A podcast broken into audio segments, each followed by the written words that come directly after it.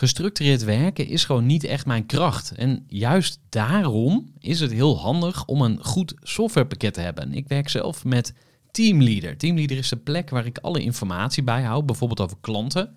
Waarin ik offertes maak en verstuur en die digitaal laat ondertekenen. Waarin ik facturen verstuur, waarin ik lijstjes bijhoud, waarin ik projecten kan managen, waarin ik standaard e-mails kan programmeren.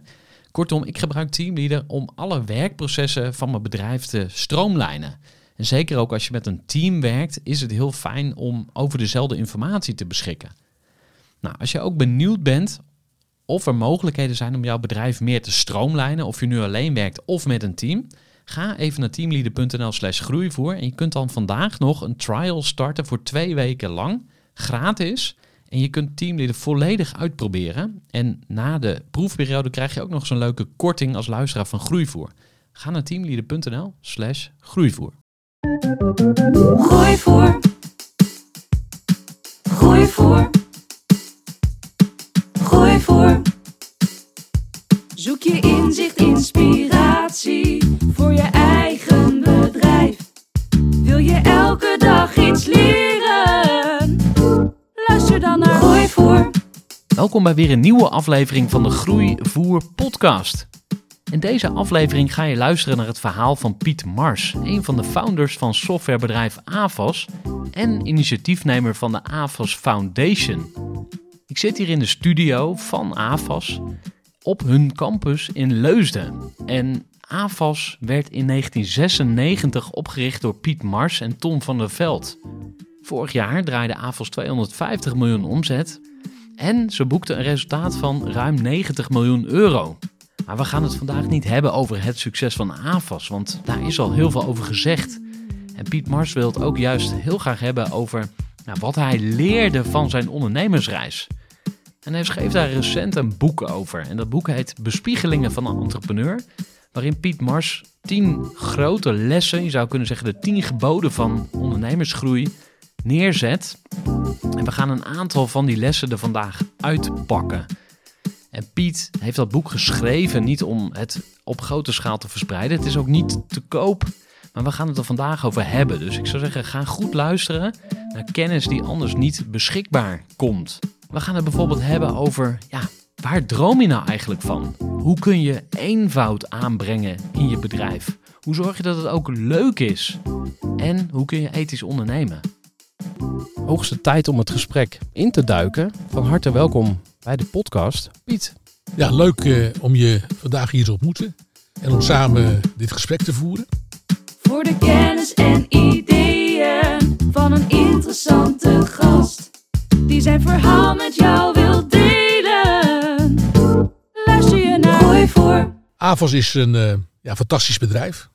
Het is iets wat me nog steeds iedere dag eh, bezighoudt. Ik zit niet meer in de operatie. Die lijn ligt eh, bij de directie, bij Bas en bij Arnold en met zijn team. Dat gaat heel erg goed. Eh, ik zit momenteel in de Raad van Commissarissen. Ik ben daar voorzitter van. Ook een hele leuke rol. En ik hou me met name bezig eh, met ja, de Avers Foundation, maar ook met de familiestichting. En voor we het boek induiken, vraag ik ook altijd mijn gasten om nog iets meer over zichzelf te vertellen. Zou je ons eens willen voorstellen aan de kleine Piet? Nou, ik ben 68 jaar. Maar ik ben vanaf mijn zelf zelfstandig ondernemer. Ik ben na een periode in de retail. Moet je denken aan Albert Heijn, aan Schuitema. Ben ik voor mezelf begonnen met een collega. Hebben het accountantskantoor Mashoek opgezet. Een zeer succesvol bedrijf. Daar ben ik in eh, 2000 uitgestapt. En ben ik me 100% met eh AVAS ook gaan bezighouden.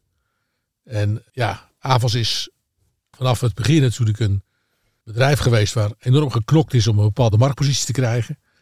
Dat is niet makkelijk gegaan, want niemand zit op je te wachten. Maar uiteindelijk is het eh, gelukt en wij zijn momenteel in Nederland denk ik een hele belangrijke speler als het gaat om eh, geïntegreerde software om alle bedrijfsprocessen aan te sturen. Persoonlijk eh, ben ik een, ja, zeg maar blije eikel die met enthousiasme in het leven staat. We hebben vier kinderen, elf kleinkinderen. Ik ben ook iemand die heel actief bezig is nog steeds in allerlei stichtingen. Denk aan de stichting Kerk 2030, kerkelijk betrokken.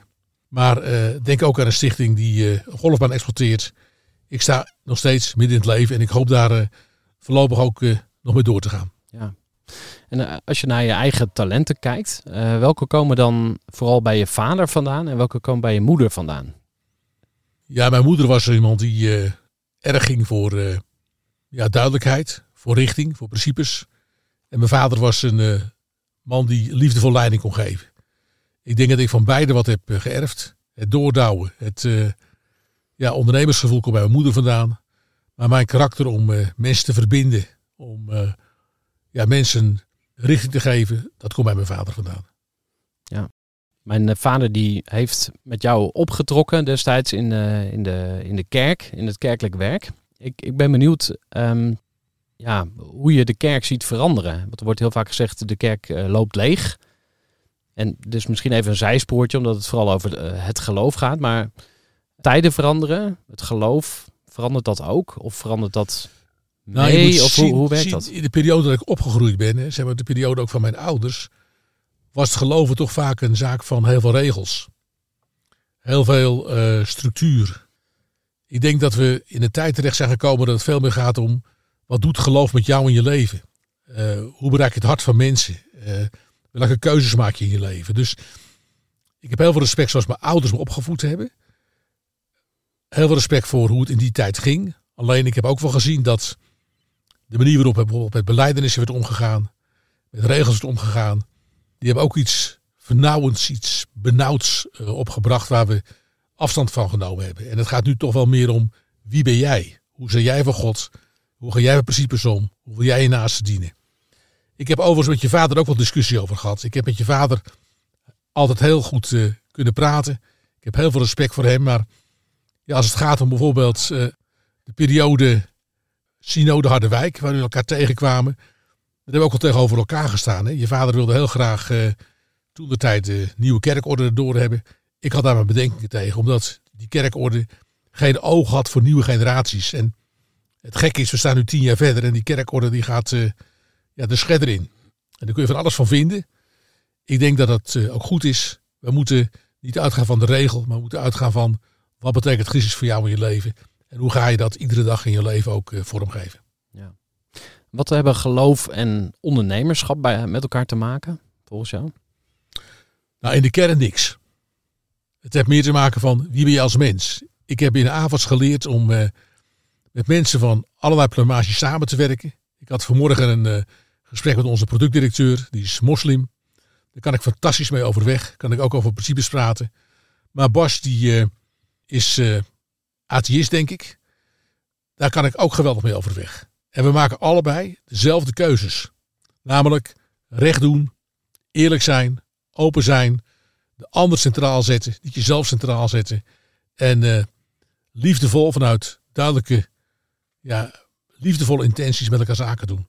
En natuurlijk, ik zeg dat komt uit de liefde van God vandaan. En anders zal misschien zeggen, het komt uit Mohammed vandaan. Maar het zijn de basisprincipes die in de samenleving liggen, die in de schepping liggen. En dat is wie goed doet, wie goed op moet, wie geeft, die kan delen eh, en kan vermenigvuldigen. Dat zijn basisprincipes en eh, ja, die zie ik ook bij mensen die niet in God geloven terug. Wat heb je met Ameland? Mijn moeder is op Ameland geboren.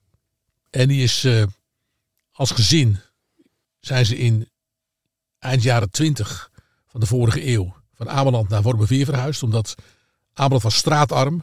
Mijn eh, grootvader zat op de grote vaart en ja, die kon vaak niet eens eh, Ameland bereiken als hij in Nederland kwam. Omdat bijvoorbeeld de Waddenzee was dichtgevroren. Er viel op Ameland ook heel weinig te beleven. Ze hadden een groot gezin. En een hele groep Amelanders is weggetrokken naar, eh, ja, naar de Zaanstreek. En mijn ouders zijn in de jaren 60, 70 weer naar Ameland gegaan om daar op vakantie te gaan. En ja, dan ontstaat er een bepaalde liefde voor het eiland. En toen ik ging trouwen, toen was ik Ameland zat. En toen zeiden we van, joh, daar gaan we niet meer heen. En het gekke was, toen wij kinderen kregen, zochten we Ameland op. En ja, we zijn er erg mee verbonden geraakt. We hebben uiteindelijk daar een huis gekocht. We zijn er regelmatig, maar ook onze kinderen komen er allemaal. Dus het is ook een massaclan op Ameland geworden. En iedereen heeft hetzelfde gevoel van, als je op Ameland bent, dan ben je weg. Eh, Je hebt de boot gepakt, eh, er komt rust. En eh, ja, je kunt op een, op een andere manier leven. En dat vinden we heel erg prettig. Ja. daar is ook een stichting naar vernoemd. Dat is natuurlijk ook geen toeval, maar ehm, eh, jullie hebben naast de AVAS Foundation ook nog een andere stichting, Stichting Vares. Eh, of is dat niet meer... eh, Jawel, wij zijn als eh, familie eh, tien jaar geleden begonnen met het opzetten van een eigen stichting. De achtergrond was dat wij eh, ja, als familie toch over nogal eh, wat geld eh, konden beschikken. Dan hebben we En het wij- over familie Mars? Of- Familie Mars, Ja, oké, dus dat is echt jullie... onze stichting. En wij hebben toen gezegd van, we gaan een stichting opzetten. En dan gaan we een heel groot gedeelte van eh, dividenden die we binnenkrijgen, gaan wij in die stichting eh, uitgeven. En dat is eh, ja, eigenlijk totaal uit de hand gelopen. Die stichting heeft een enorme omvang gekregen. En ja, wij doen talloze projecten in de wereld inmiddels. En nu hebben we het over Vares? Of Over de Vares, Va- ja. Ja, oké. ja. En de stichting Varen, zeg maar, wordt als bestuur bemand door familieleden. Mijn zoon Pieter zit erin als voorzitter. Ik heb eh, twee schoondochters erin zitten, een dochter. En wij eh, overleggen elke dinsdag in Amersfoort in de Watertoren over eh, projectaanvragen, over voortgangsrapportages. En wij willen met Varens eh, licht zijn in de wereld. Licht zoals Christus het ook genoemd heeft in Matthäus 5, in de bergreden. En dat stukje licht stralen we uit door ja, allerlei soorten projecten te financieren. Dat kan een heel groot project in Zuid-Soedan zijn. Maar het kan ook een, eh, een klein initiatief in Nederland zijn. Vorig jaar hebben wij eh 70 projecten aangenomen. Ik denk dat wij vorig jaar bijna 9 miljoen hebben uitgegeven. Dus ja, het is heel betekenisvol en daar ben ik ook heel dankbaar voor. Het is voor mij de kroon op mijn werk. En naast Stichting Vares is later de Avas Foundation opgericht. En zij was AVAS zeg maar hetzelfde gaan doen.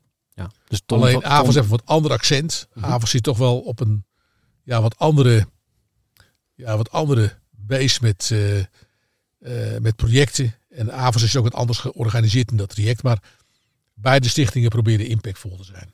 Ja. En het leuke daarvan is dat ook Bas van der Veld het lijntje heeft overgenomen. En die heeft de stichting Contribute opgericht. opgericht. En ja, zo zijn we met elkaar als families ook eh, actief ja, als, als goede doelorganisatie. Is er een soort gouden regel als het gaat om eh, geld weggeven? Van eh, wanneer geef je genoeg en wanneer geef je te veel? En in de Bijbel staat iets over de tienden. Dat is natuurlijk al heel oud. Maar je hebt hier vast al heel wat gesprekken over gehad. Eh, Hoe kijk jij ernaar? Nou, wij hebben gewoon zakelijk een aantal afspraken met elkaar gemaakt. En dat betekent dat een percentage van de winst van AVAS gaat de AVAS Foundation in. En wij hebben gezegd als families dat van al het geld dat in de families binnenkomt, moet minimaal 25% worden belegd in de, in de stichting. En de stichting geeft het geld ook uit. De praktijk is dat er meer wordt ingelegd dan we hebben afgesproken. Dat is mooi. En ja, het is ook van wat komt er op je af. Het is wel zo dat wij wel hele duidelijke regels hebben aan wie we geld geven en eh, wat we van stichtingen verlangen. Wij verlangen heel duidelijk prestaties. Wij gaan stichtingen subsidiëren die heel veel geld hebben. Wij willen echt het verschil maken. En we willen ook dat er gepresteerd wordt. We willen ook dat het duurzaam is. Dus dat je echt een probleem oplost en dat je niet iets in stand gaat houden wat in zichzelf geen, eh, geen creativiteit heeft. Het moet iets oplossen. Nou, en wij zijn op dat punt ook wel weer klankbord voor heel veel stichtingen die geld aanvragen. Omdat wij met onze manier van werken ook hun willen stimuleren om aan duurzaamheid, maar ook aan effectiviteit vorm te geven. En, en wat vind je dan van mensen die al hun geld weggeven? Want die zijn er ook. Eh, over de grens bijvoorbeeld. Hè, bekende eh, voorbeelden eh, komen denk ik vooral uit Amerika. Van mensen die echt zeggen van nou, ik heb miljarden verdiend. Ik geef gewoon alles weg, behalve 1 miljoen. Hè, dat blijf ik op zitten. Dat is mijn laatste eilandje. En mijn kinderen die, die moeten het eigenlijk ook zelf maar uitzoeken. Dus een hele extreme vorm lijkt me dat. Heb je daar een, een visie bij? Vind je dat roekeloos? Jawel, of jawel, vind je dat jawel. juist prachtig? of wat? Dat is hun keuze. Alleen ze hebben hun bedrijf verkocht. Kijk, Avas is een bedrijf wat eh, nog steeds van de families is en van de families zal blijven. Dat bedrijf moet gefinancierd worden. Wij willen graag elke maand de lonen kunnen betalen. Dus wat hun doen, kunnen wij niet. Wij doen wat we kunnen. Alleen er kan een andere tijd komen dat we andere beslissingen nemen. Alleen, ja, het is zoals het nu is. En ik kijk niet naar anderen. Ik kijk met name naar Nederland. En dan zie ik dat heel veel bedrijven amper iets doen. En ik roep hen op van jongens, doe mee. Ga een deel van je resultaat bestemmen voor goede doelen. Want daarmee krijg je bedrijf een ziel. En daarmee kunnen we ook betekenisvol zijn in de samenleving. Een goed voorbeeld is bijvoorbeeld dat wij vorig jaar een, een eigen vluchtelingenopvang in Leusden hebben gerealiseerd. voor 250 Oekraïners, waarin ook een school gevestigd is. Dat is een initiatief geweest van ons als stichtingen. Daar is heel veel geld in gestopt. Maar het heeft tot gevolg gehad dat we, ja, denk ik, een plekje kunnen innemen in de maatschappij. Betekenisvol kunnen zijn voor mensen die niks hebben. Betekenisvol kunnen zijn in de wereld waarin sommige mensen gewoon niet mee kunnen doen. Ik roep andere bedrijven op om soortgelijke initiatieven te nemen. En dat kunnen kleine projecten zijn, kunnen ook grote projecten zijn. Ja. We gaan er straks uh, nog wat uitgebreider over de AVAS Foundation, hebben. Maar we hebben ook afgesproken om het te hebben over uh, jouw inzichten over ondernemerschap. Je hebt ook het boek op schoot, wat eigenlijk net uitgekomen is. Ja, misschien ehm, eens beginnen met de vraag: wat volgens jou een goede ondernemer is? Wanneer ben je een goede ondernemer? Nou, het is heel lastig om dat uh, precies te definiëren. Ik heb uh, zelf tien lessen op papier gezet. Dingen die ik geleerd heb in mijn ondernemersleven. En ja, ik vind van belang in de eerste plaats dat je een droom moet hebben. Waar wil je heen? Wat wil je bereiken? Een droom kan niet zijn van ik wil rijk worden. Een droom kan niet zijn ik wil groot worden. Het gaat erom van wat is je bovenliggende doel? Waar wil je heen? En hoe kun jij ook je organisatie, je mensen die je in dienst hebt, inspireren om met elkaar samen aan die droom vorm te geven? Dat is de eerste plek. En dan kun je ook gaan praten over hoe ga ik het doen? En dan kom je op thema's van ja, denk in eenvoud. We leven in een tijd dat alles ingewikkeld gemaakt wordt. We leven in een tijd dat ja, de effectiviteit uh, weg is. Ik heb geleerd dat als je naar eenvoud streeft, optimale eenvoud, dat het tot gevolg heeft dat je als bedrijf heel effectief kan zijn. Hoe ga je dat nou vormgeven in je organisatie? Hoe kun je dat nou handen en voeten geven? Nou, daar kan ik een heel lang verhaal over houden. Maar ja, daar liggen kansen. We leven in een samenleving, ook in het bedrijfsleven, dat we heel erg bezig zijn met het juridiseren van zaken. Bezig zijn met het formaliseren van zaken. Ik heb geleerd in mijn leven dat je eigenlijk moet streven naar een organisatie waarin de cultuur die je samen hebt, de regels voorschrijft. En niet dat de regels worden voorgeschreven door allerlei wetten, papieren, regels, want dat slaat in feite je organisatie dood. Als je in staat bent om in een positieve bedrijfscultuur, waarin niet de regel, maar de mens centraal staat, te gaan werken, dan ga je ook je klanten bereiken. Je ziet bij AVAS hoe dat gaat. Klanten doen heel graag zaken met AVAS. Natuurlijk omdat we een geweldig product hebben, maar vooral ook omdat we een geweldige organisatie zijn. En dat heeft te maken met die droom die we hebben. Die droom om zeg maar het wereld te veranderen. Andere manier van denken te krijgen als het om techniek gaat. Maar ook wel het zoeken naar eenvoud. Het zoeken naar liefde in relaties. En niet het contract of de regel. Nee, over weer liefde voor het uiteindelijke doel moet het gaan doen. Dat is mijn visie. Even een korte onderbreking met een belangrijke vraag aan jou. Want wat heb jij geregeld voor het geval je van de ene op de andere dag zou komen uit te vallen? Wat gebeurt er dan met je bedrijf, maar vooral wat gebeurt er met jou persoonlijk en ook in financieel opzicht? Samen met ASR voerde ik drie openhartige gesprekken over tegenslag en veerkracht. En dat deed ik met Saskia, Vincent en Pieter. Ondernemers met een bloeiend bedrijf die van de ene op de andere dag niet meer konden werken. En die verhalen hoor je in aflevering 256, 257 en 258 van deze podcast. Als ondernemer wil je natuurlijk niet uitvallen. En daarom is het belangrijk dat je veerkrachtig bent, want voorkomen is beter dan genezen. En als het dan toch misgaat, is het fijn dat je iets geregeld hebt, zodat je weer snel door kunt met ondernemen. Wil je weten hoe veerkrachtig jij nu bent? Vul dan in twee minuten de veerkrachttest van ASR in. Ga naar asr.nl slash veerkrachttest ondernemers. Ja. En die droom, want je bent natuurlijk ooit begonnen samen met Tom. Hadden jullie toen samen zo'n soort droom of hebben jullie daar veel over gepraat? Hoe, hoe is jullie compagnonschap eigenlijk uh, in de kiem ontstaan en, en ontwikkeld? Nou, vergeet niet hoe wij begonnen in 1996. Toen was er amper internet. Ja, er waren producten waarmee je afdelingen kon automatiseren. En we hadden toen de droom om aan ondernemingsprocesbeheer vorm te geven. We hebben er een boekje over geschreven in 1997 al. Het OPB-boek. En dat was eigenlijk onze droom van hoe moet je organisaties gaan automatiseren. Niet afdelingen automatiseren, maar processen automatiseren. Niet kijken naar hokjes, nee, kijken naar de organisatie als geheel. Dan lopen processen door die organisaties heen. Hoe kun je die in de klauwen krijgen? Het gekke is, toen we dat schreven, was er amper internet. Waren niet de mogelijkheden aanwezig die er nu zijn. En het hele open B-denken, dat heeft eigenlijk in de afgelopen jaren vorm gekregen.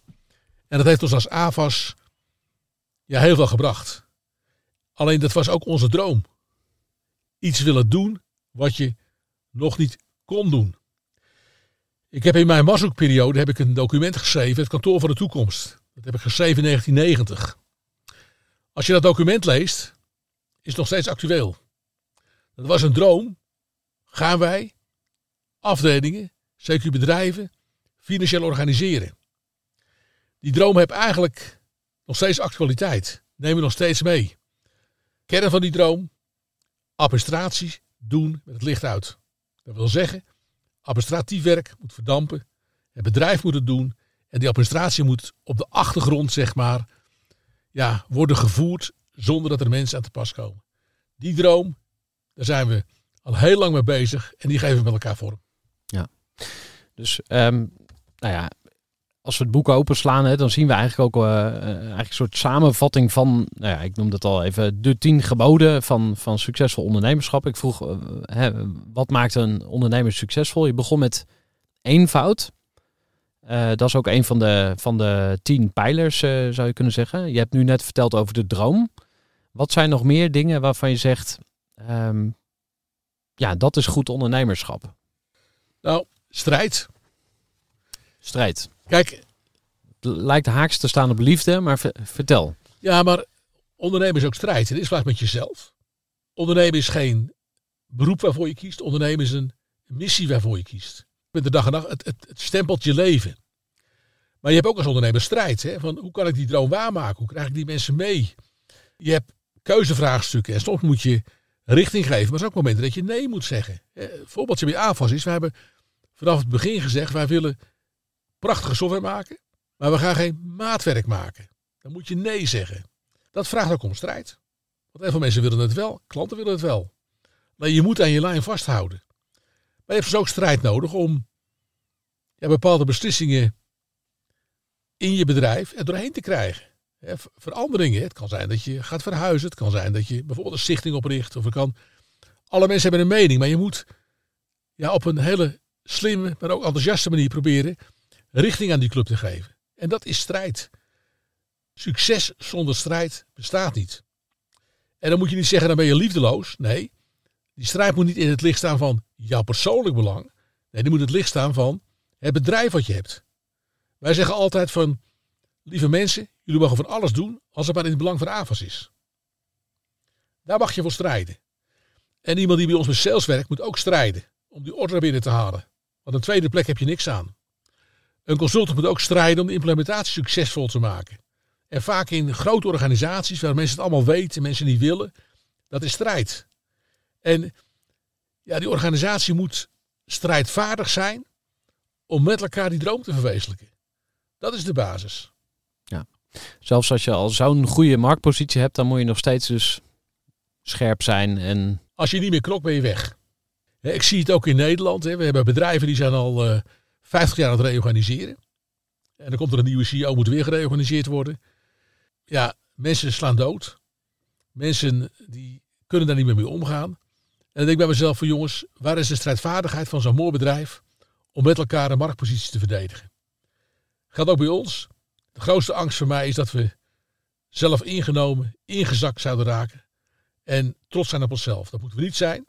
We moeten trots zijn op onze producten, op onze klanten. Maar we moeten met name iedere dag de strijd aangaan om nieuwe klanten binnen te halen en om het nog beter te doen. Iedere dag opnieuw nog beter te doen. En dat geldt niet alleen voor mij, maar voor iedereen. Als jij een supermarkt hebt, dan wil je elke dag weer die klant binnen hebben, wil je die klant serven, wil die klant laten voelen dat je anders bent, dat je beter bent dan een concurrent.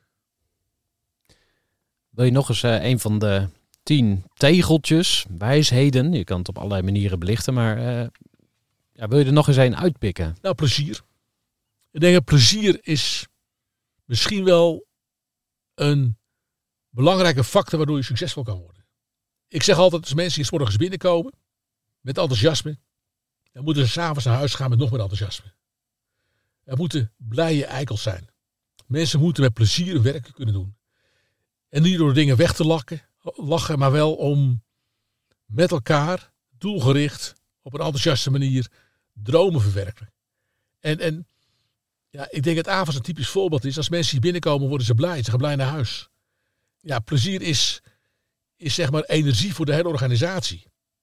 En ik ben in heel wat bedrijven in mijn leven geweest. Ik kom zoveel chagrijn tegen. Zoveel ja, negativiteit tegen. En ik denk van jongens, met plezier kom je verder. Met plezier kun je dingen bereiken.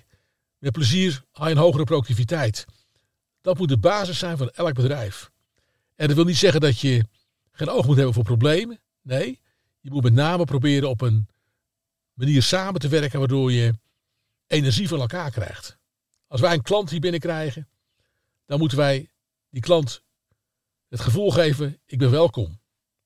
Daarom maximaliseren we ook op het gebied van klantbeleving. De beste lunch, de beste koffie, de beste plek. Zodat die klant het gevoel heeft van, jee, mag nog wat toe. Wat kom ik bij een fantastisch bedrijf, daar wil ik bij horen. Dat is plezier hebben in, ja, in, in het ondernemen, maar ook in het werken. Dat geven wij als AFAS aan onze klanten, maar ook aan onze medewerkers. En het gekke is dat lukt, hè, want we zijn een hele populaire werkgever. We hebben vorig jaar meer dan duizend sollicitanten gehad hier. Uh, wij hebben eigenlijk geen probleem om medewerkers aan ons te binden. En waarom? Omdat we gewoon een heel leuk bedrijf zijn. Geen bedrijf waarin de regel mensen beperkt. Nee, waarin vrijheid is. Waarin enthousiasme is. En waar mensen blij zijn. Als je terugkijkt op je eigen ondernemersloopbaan, vind je dat je genoeg uh, plezier gemaakt hebt? Ja, ja. Ik heb uh, heel weinig momenten gehad dat ik, uh, dat ik met zagrijn naar huis ging of dat ik met zagrijn naar mijn werk ging. Ik heb altijd als enthousiaste, blije ondernemer ook mensen kunnen inspireren. En ik heb ook gezien dat wat ik geef, komt terug. Als ik naar een klant ging vroeger en ik was zagrijnig, ik was negatief, dan krijg ik negativiteit terug. Als ik positief bij een klant ben, enthousiast bij een klant ben, krijg ik enthousiasme terug. Dan breng je dat verder. Dat zie je ook hier. Wat je geeft, krijg je terug. Liefde geven, krijg je liefde terug. Enthousiasme geven, krijg je enthousiasme terug. Plezier, nou, vul het maar in. En eh, het is dus altijd mijn, mijn motto geweest om eh, met, met plezier en enthousiasme mijn werk te doen. Ook in vrijwilligerswerk, wat ik heel veel gedaan heb. Ik ben uh, voorzitter geweest van de kerkraad vroeger. Uh, ik heb tien jaar voorzitterschap van het steunpunt kerkenwerk gedaan. Ik had altijd als uitgangspunt, als je gaat vergaderen, dan moet je blij naar huis gaan. Na een vergadering, dat is nog een uitdaging. Een vergadering hebben en dan toch s'avonds naar huis gaan en zeggen jongens, we hebben een leuke vergadering gehad.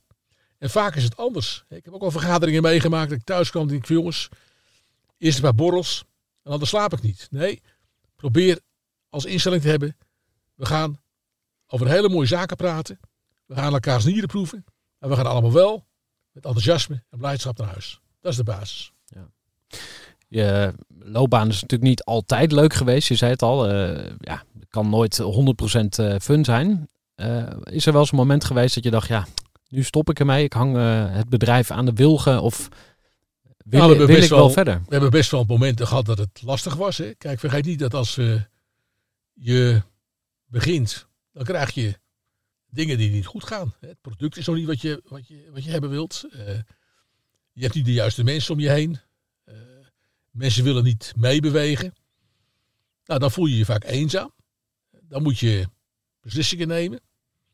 Het mooie daarbij is dat ik wel altijd een compagnon heb gehad die uh, met mij meestreed. We deden het echt samen. En wij konden elkaar dan ook zeg maar de goede richting indouwen. Er zijn ook momenten geweest van we stoppen ermee. Maar wel momenten geweest van jongens, dit is wel even lastig. En hoe gaan we hiermee om? Maar dat heeft ieder ondernemer. Ook als je met mensen werkt, dan kun je soms met teleurstellingen te maken krijgen. Mensen gaan plotseling weg of mensen functioneren niet meer. Dat grijp je als ondernemer ook aan. Maar uiteindelijk moet je beslissingen nemen om het bedrijf verder te brengen. En ja, dat hoort erbij. En ja, dat is soms lastig, maar ja, dat, dat hoort bij het ondernemerschap. Ja. Dus als het zwaar was of je zat in een moeilijke fase, dan had je veel aan Ton eigenlijk als kompion. Eh, zijn er nog meer mensen waarvan je denkt, hey, die hebben mij echt geholpen Ja, ik denk Bas en Arnold met name. Ja, ik bedoel, we hebben in de latere fase dan? Ja, of ook al toen ze nog jong waren? Of? Maar ik denk dat, dat ik heel eerlijk moet zijn. Ik denk dat, dat Ton en ik het meest aan elkaar gehad hebben. En dat daarbuiten toch het vaak lastig was om eh, ja, de emoties te delen of om ja, zaken met elkaar eh, verder uit te spreken. Het zat vaak bij Ton en mij. Ja. Had je in die tijd nog geen coaches of zo? Of hoe? eh, Ja, ik ben niet zo'n coachfiguur. vertel eens. Nee, ik vind, kijk, coaches die, die gaan jou vertellen hoe het allemaal moet. Maar ja, ik, ik, ik weet het zelf wel. Ik zoek zelf die weg wel. En eh, ik heb wel eens een tijd eh, eh, een bedrijfspsycholoog gehad waarmee ik aan de slag ben gegaan om mezelf te ontdekken. En die heeft mij geleerd van, Piet, in je leven zijn twee dingen. Je hebt een talent, een verborgen talent. Maar je hebt ook een verborgen angst. En Heel veel dingen doe je automatisch in je leven, maar die worden aangestuurd door je talent en je angst. Als je nou in staat bent om die twee elementen te herkennen, dan kun je misschien dingen die je automatisch doet beïnvloeden. Nou, mijn verborgen angst is bijvoorbeeld als ik geen grip heb, als ik het eindpunt niet zie, dan ga ik overreageren. En in plaats van door te vragen, ga ik dan veel te snel conclusies trekken. En ik heb met name geleerd om met dat element op een andere manier om te gaan. Om mezelf te leren kennen van, is het een echt probleem? Of is het een probleem wat komt door wie ik ben? Gaat ook voor mijn talent. Mijn verborgen talent is verbinden. Ik kan heel makkelijk mensen aan me binden.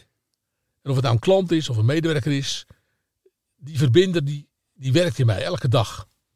Maar soms kun je ook dingen verbinden die je niet wil. Ik heb met die elementen heb ik, eh, ja, heb ik geworsteld. Ik heb eh, van die gesprekken heel veel geleerd. En ik raad iedereen aan om eh, ja, eens aan de bak te gaan van wie ben je nou zelf? En wat stuurt jou nu aan? En ik heb met, eh, ja, zeg maar met die gesprekken mijn eigen besturingssoftware in zich gekregen. En ben bewuster in bepaalde zaken omgegaan. En dat is heel mooi. Ze hebben verbeterd. Ja, Ja. duidelijk. Mooi. Misschien weer even terug naar ehm, ondernemerslessen. Je hebt heel wat meegemaakt natuurlijk. Hè? En eh, we hebben er al een aantal eh, ook uit, uit het overzicht gehaald. Ik ben ook wel benieuwd of er iets is waar je vroeger kritiek op gekregen hebt. Waarvan je nu denkt, ja, ze hadden eigenlijk ook wel gelijk. Ja, misschien dat ik wel, eh, ook als het ging om mijn visie, heel dogmatisch was. Ik komt een beetje op mijn achtergrond vandaan. Eh, dat ik wel heel wat dogma's gehad heb. Dat ik wist hoe een organisatie moest worden geautomatiseerd. Dat ik wist hoe een organisatie moest gaan werken. En ik heb dan afgelopen, ja, misschien wel 10, 20 jaar geleerd van... Probeer heel veel mee te bewegen met organisaties. Zodat die dogma's geen blokkade vormen om met elkaar samen te werken. En probeer de organisatie te veranderen in het proces wat je met elkaar aangaat. Dus ik ben minder stellig geworden. En ik ben meer met organisaties mee gaan bewegen. Maar wel met hetzelfde doel, namelijk uiteindelijk het doel van OPB, ERP, dat met elkaar te bereiken. Ja, dus je houdt wel echt vast aan de droom. Alleen de weg naar naartoe kan, eh, kan anders zijn. Interessant. En, en zijn er dingen die je doet om nieuwe inspiratie op te doen? Of waar doe je nieuwe inspiratie op? Zou ik ook kunnen vragen. Nou, ik heb eh, nou, goede maand geleden reis gemaakt naar Cambodja. Daar heb ik heel veel gedaan. Eh, ja, dat inspireert mij. Als ik zie hoe eh, in dat land zaken gaan. Hoe mensen bezig zijn om arme mensen te helpen. Maar ook hoe we met, ja, met onze foundations daar prachtige dingen hebben kunnen bereiken. Grote irrigatiewerken. Eh, nu een ziekenhuis wat we gaan bouwen om een droom van een arts te verwezenlijken. Ja, dat geeft mij inspiratie. Mensen die met heel weinig heel veel kunnen bereiken en eh, echt een verschil maken. Ik ga binnenkort weer een reis maken. Naar risicoland, ik kan geen namen noemen, maar ja, daar doen we heel veel in dat eh, land. En ja, ik denk dat ik daar in dat bezoek heel veel kan betekenen voor heel veel mensen.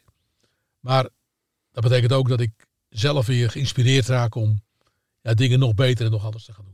En eh, slaat dat ook nog weer terug op AFAS? Dat je daar Ja. iets mee kunt? Of, of eh, heeft dat niks met elkaar? Ja. Wel, Ik heb vanmorgen een gesprek gehad over eh Curaçao. Ik ben in Curaçao geweest vorige week. Ben ik ook nog naar twee projecten wezen kijken. En Dan praten we dat hier intern ook door. Van wat kunnen wij nog betekenen? Ja, dat slaat terug op ons zijn. Uh, die stichtingen zitten zo verweven met ons DNA. Of het nou binnen de families is of binnen AVAS is. We zijn een bedrijf met een ziel. En daar praat je met elkaar over. En die, die ziel die, die verrijk je met die bezoeken die je gedaan hebt. Maar dat maakt ons ook als bedrijf sterker. Als wij liefde in elkaar stoppen, in de medemens stoppen, in de klanten stoppen, dan worden we nog meer gezien. En het is geen marketing. Het is, het is leren begrijpen wie je als mens bent. En daar ook met elkaar vorm aan geven. Dat kan ik niet alleen doen. Dat doen we met 700 mensen. En dat inspireert me. En als ik een bezoek breng aan een land of aan een project, het kan ook in Nederland zijn, ja, dan kan ik blij worden. Ik werd gisteren aangehaald door een medewerkster. Die is projectleider geworden van een project binnen AFAS. Dat is een project uh, in een uh, gevangenis in Nederland. En ze kwam naar me toe. Ze zei: Piet, ik ben zo ontzettend blij. Ik zei: Wat heb je dan? Ze zei: Ik ben gisteren in de gevangenis geweest. Ik zei: Nou, leuk is dat. Nou, dat is een stichting van Peter Faber, wel bekend. Die is al in de 70. En is die, ook weer? Is dat een zanger, acteur? Ja, een zanger, acteur. Mhm. En die Peter Faber probeert gevangenen perspectief te geven voor een nieuw leven. Daar gaan wij een project mee doen. En ja, we hebben een medewerker van AVAS, die is projectleider erop geworden. Die moet het gaan volgen. En wat zie je dan gebeuren? Dat het ook een medewerker verandert. Die ziet dat, die ziet wat er gebeurt. Die ziet de tegenstelling en die is trots dat ze een bijdrage mag leveren. En daar heeft ze ook alle vrijheid voor. Nou, dat, dat, geeft, dat geeft ja, een dimensie aan ons als bedrijf. Dat, dat doet echt wat met je? Of dat, ja, ja. ja, en wat dan? Nou, ik ben dan trots dat zo'n medewerker die ervaring heeft gehad. Dat ze meerwaarde heeft gehad voor mensen die geen uitzicht in het leven hebben. En dat, dat gaat wat betekenen voor haar, maar ook voor die mensen waar ze mee bezig is. Ja. En als ik dit nou probeer te vertalen naar, ja, ik noem het even de gewone sterveling ondernemer. Bedoel ik op geen enkele vervelende manier, hè, maar de, de ondernemer die vijf of tien medewerkers heeft zoals ik. Uh, hoe kan die anders ondernemen. Dus als die naar jou kijkt, hè, je gaat naar het buitenland, je raakt geïnspireerd, uh, met goede doelen bezig. Klinkt ook een beetje alsof, ja, dat is voor jou weggelegd, maar niet voor mij. Hoe nou, zou je daarop reageren? Ik denk wat je zegt wat niet waar is. Kijk, voorbeeldje is in Leus hebben wij een vluchtelingenopvang. Nou, inmiddels heeft de gemeente het stokje overgenomen. We zijn wel erg betrokken, maar er is ook in Leusden een uh, hele grote groep mensen ontstaan die om die vluchtelingen heen staan. Dus er is een inspiratienetwerk gekomen van allemaal mensen die dingen voor die, on, voor, voor, die, voor die vluchtelingen doen. Er zitten ook heel veel plaatselijke ondernemers in. Die zeggen, joh, ik wil me ook een steentje bijdragen. Ik heb een bedrijf, kan ik niet. Ja. Dus het gaat niet om van hoeveel heb je. Nee, het gaat erom. Wat geef je? Wat geef je, welke intentie heb je? En het is niet alleen een kwestie van geld, maar het is ook een kwestie van, van dingen doen. Toen wij aan de overkant bezig waren met het inrichten van die vluchtelingenlocatie, hebben we zoveel mensen gehad die zeiden, joh, ik wil een steentje bijdragen vanuit de samenleving, vanuit AFAS, vanuit... En dan word je blij. Want de meeste mensen willen goed doen. Kijk, we leven in een samenleving die soms het beeld geeft van liefdeloosheid. Dat is niet zo. De meeste mensen willen omzien naar mensen die kwetsbaar zijn. De meeste willen omzien naar mensen die een stukje steun nodig hebben. Het zijn de politici die door allerlei frames een wereld laten zien die niet bestaat. Gaat om vluchtelingen ook. Leusden heeft een warm hart voor vluchtelingen. Ik geloof in het vrijwilligersnetwerk dat meer dan 500 mensen zitten. Daar zijn we trots op in Leusden. Avers heeft een eerste stap gezet. Avers heeft er geld ingezet. Maar de gemeenschap heeft het overgenomen. En dan zeg ik ook tegen alle ondernemers van, je hoeft geen miljoenen weg te geven. Maar probeer wel te kijken op wat voor punten je wel een steentje kan bijdragen. Dat kan door arbeid zijn. Dat kan soms zijn door ja, misschien wel een stukje van jouw talent beschikbaar te stellen. Ga er op een goede manier mee om. Ik heb nooit anders gedaan. Ook niet toen ik klein was. Dat is de basis. En neem één ding mee. Wat je geeft, krijg je terug. Een ondernemer in Leusden, een restaurant, een retailer, die zich afsluit voor de gemeenschap, die sluit zich af voor de mogelijke klanten die hij kan krijgen. Stel je open. Zie die gemeenschap. Maak er deel van uit. Investeer er een klein stukje in. En dan gaan er hele mooie dingen gebeuren. Mooi je herinnerde mij er eigenlijk aan dat wij uh, bij Eager People, zo'n klein bedrijf, uh, uh, iemand aan het werk hebben uit Oekraïne. Dat is een jonge dame van 32 en die wilde heel graag werken. En die werkt nu fulltime via Eager People bij het Leger des Hels. Dus die doet allerlei klusjes. En ja, dat kostte ook extra moeite om haar aan het werk te helpen. Dus eh, daar heb ik ook zeg maar een klein steentje mogen bijdragen. En dat zeg ik niet om mezelf op de borst te kloppen, maar ik was eigenlijk vergeten van ja, je kan ook op die manier wat doen door ja, Ja. net even Ja. wat extra moeite te doen. Nou, mooi wat Ehm, we hier zien in Leusden. Dat eh, van die 250 mensen die hier eh, wonen. Die hebben A, denk ik, de mooiste locatie van Europa. Prachtig ingericht, mooie kamers, mooie faciliteiten. Maar de meeste mensen zijn aan het werk. Is ook op allerlei manieren gestimuleerd door de gemeenschap in Leusden. Ook hier werken een aantal Oekraïners. En we zien gewoon dat ze weggevonden hebben. Het leuke is, hè, ik eh, vroeg vandaag aan een tuinman die bij ons eh, in dienst is. Van joh, wat zijn jullie daar aan de overkant aan het doen? Hij zei, ja, we gaan daar groentetuintjes aanleggen. Ik zei, waarom ga je daar groentetuintjes aanleggen?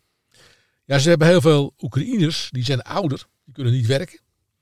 Maar die moeten wat te doen hebben. Die willen hun eigen groenten gaan verbouwen. Paprika's eh, Dus er wordt nu, kweken of whatever. Ja. Ja. er wordt nu een groentetuin aangelegd. Mensen gaan aan het werk. En ja, het is leuk ook. Snap je?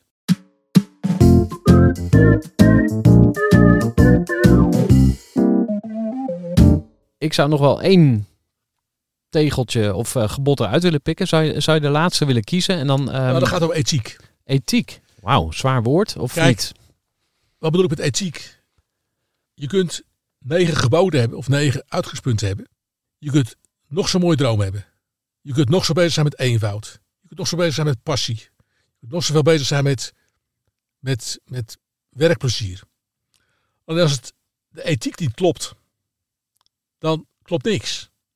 Wil dat zeggen, als jij al die dingen op een leuke manier gaat doen, maar je doet het alleen maar in belang van jezelf, doe je het verkeerd. Als jij alles doet, maar geen belasting wil betalen, maak je een hele grote fout. Als jij alleen maar bezig bent met je eigen positie, is dat ethisch te verwerpen. Het gaat nu om de positie van jezelf, het gaat om de positie van het bedrijf en van de mensen waarmee je werkt. Dus ik vind dat ethiek, cultuur heel belangrijk zijn in het bedrijf. Wij zijn heel erg bezig met NVO, met CSR. Hoe kunnen wij onze footprint op de aarde minimaliseren? Energieverbruik, eh, afvalstromen, gezond eten, eh, gezond leven. Dat zijn basiselementen die bij ons bij de cultuur horen en bij wie we zijn horen. Ik zie er ook wel veranderingen in komen. Kijk, ik heb zelf het gevoel dat wij naar een, een ander economisch model toe gaan. Ik heb heel veel moeite met bedrijven die ja, heel hard roepen dat ze goed zijn. Maar waar de verschillen heel groot zijn. Een voorbeeldje is, hè, ik heb een advocaat in de Zuidas.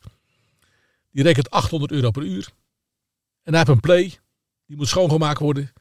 Door de schoonmaker uit Oekraïne. Die 12 euro verdient.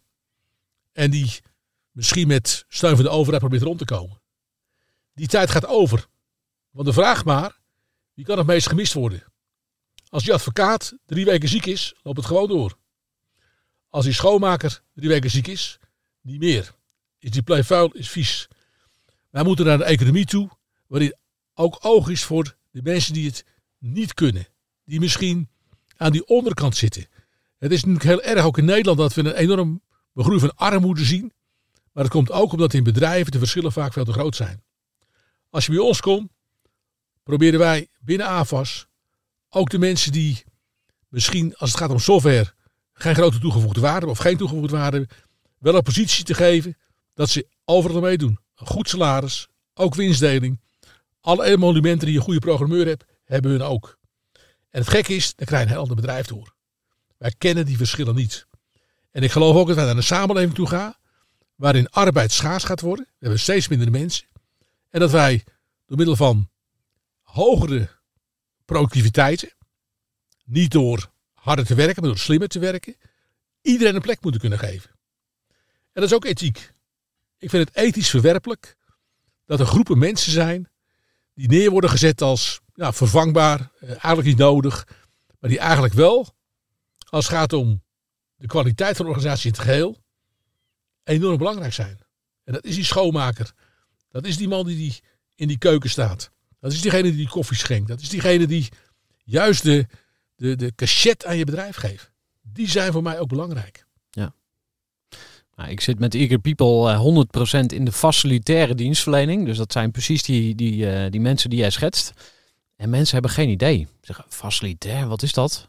Dus, eh, en dat komt vaak omdat eh, ja, die mensen doen onzichtbaar hun werk. Dus eigenlijk eh, nemen we heel vaak voor granted wat we allemaal krijgen. Dus ja, we gaan er gewoon vanuit dat het, dat het er is. Maar het wordt ook door mensen gedaan. En jij zegt eigenlijk van, eh, vooral in dat soort beroepen moeten die mensen een kans Nou, dan gaan dingen krijgen. veranderen. hè. Er is, een boekje, er is een boekje geschreven, helemaal een boekje.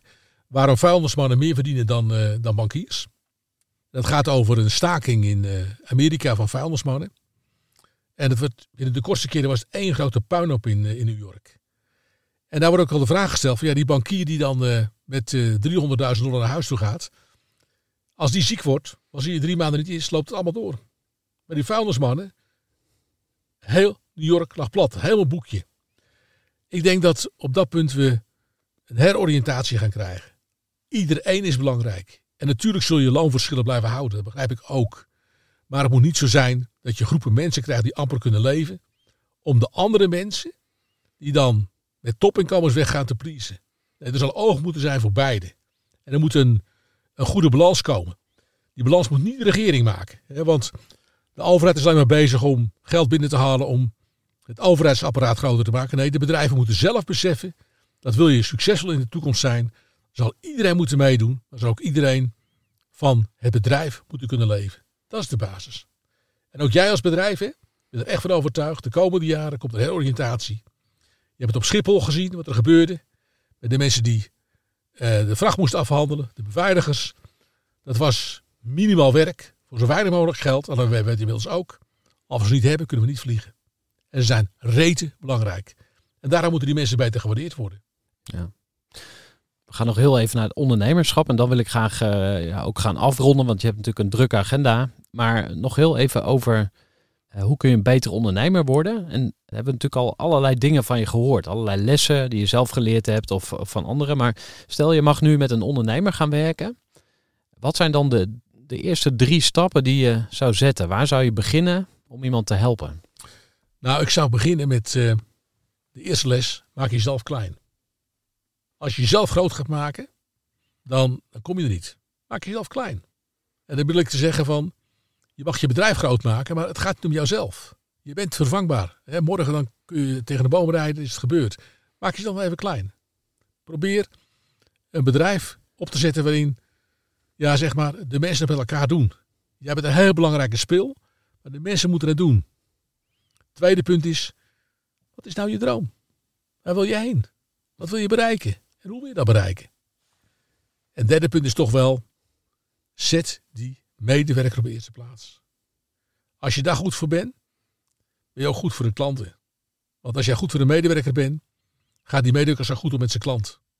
En de gedachte van ik moet klantgericht zijn, heel hard bezig zijn, maar ik heb geen oog voor mijn medewerker, heeft tot gevolg dat je niks bereikt. Nederland heeft heel veel kansen en mogelijkheden. Er staan fantastische dingen op de rol. Hè. Denk aan de hele energietransitie. Er zijn talloze dingen mogelijk. Ga daar je weg in vinden. En probeer hele mooie dingen op te bouwen. Niet door jezelf groot te maken, maar door jouw droom te verwezenlijken. Met mensen die om je heen staan. Dat is mijn mening. Mooi. Stel iemand eh, is geïnspireerd door deze aflevering en denkt van ah, ik wil eigenlijk wel eh, ja, iets gaan doen. Een project opzetten, een beweging starten, eh, al dat soort eh, ja, gedachten. Eh, kunnen ze dan bijvoorbeeld bij de Havels Foundation aankloppen? Of zou jij een andere tip of een ander advies hebben? Nou, ga eens zoeken op internet. Ga eens kijken bij Stichting Varen. Er staan hele mooie voorbeelden op. Ga eens kijken op de site van de AVAS Foundation. Maar je kunt ook eens meedoen met een activiteit van de AVAS. hè. Ga bijvoorbeeld naar eh, een activiteit Zo werkt de AVAS Foundation. Kun je zo op inschrijven. Kun je een keer eh, kennis maken met hoe we werken. En zo zijn er talloze sessies die kosteloos kunnen worden bijgewoond. Waarin je geïnspireerd kunt raken door eh, ja, onze visie, onze manier van werken. En ja, misschien dat je daar ook voor de toekomst aan hebt. Ja. Heb je ook nog een leestip voor de luisteraar? ja, ik lees van alles en nog wat. Kijk, ik, ik denk dat je eigenlijk met z'n allen dit boekje moet lezen. Bespiegelingen van een entrepreneur. En ja, ik denk dat ik eh, moet zeggen dat eh, als je het boekje wil hebben, dan eh, Stuur een mailtje naar de maker van de podcast en dan komt het wel goed. Helemaal goed. We hebben ook speciale boekenafleveringen bij de Groeivoer podcast. Die zijn wat korter. Dit zijn de diepte-interviews. We hebben ook nog kortere versies. Dus wellicht komt dat nog een keer aan bod. Ga het eerst maar lezen. Precies, daar gaan we beginnen. Um, ja, Piet Mars, ontzettend bedankt voor je bijdrage. Jij ook. Ik ben benieuwd wat uh, luisteraars ervan Heel veel succes. Dankjewel. Gooi voor. Gestructureerd werken is gewoon niet echt mijn kracht. En juist daarom is het heel handig om een goed softwarepakket te hebben. Ik werk zelf met Teamleader. Teamleader is de plek waar ik alle informatie bijhoud, bijvoorbeeld over klanten. Waarin ik offertes maak en verstuur en die digitaal laat ondertekenen. Waarin ik facturen verstuur, waarin ik lijstjes bijhoud, waarin ik projecten kan managen, waarin ik standaard e-mails kan programmeren. Kortom, ik gebruik Teamleader om alle werkprocessen van mijn bedrijf te stroomlijnen. En zeker ook als je met een team werkt, is het heel fijn om over dezelfde informatie te beschikken. Nou, als je ook benieuwd bent of er mogelijkheden zijn om jouw bedrijf meer te stroomlijnen, of je nu alleen werkt of met een team, ga even naar teamleader.nl slash groeivoer en je kunt dan vandaag nog een trial starten voor twee weken lang, gratis. En je kunt Teamleader volledig uitproberen. En na de proefperiode krijg je ook nog zo'n leuke korting als luisteraar van Groeivoer. Ga naar teamleader.nl slash groeivoer.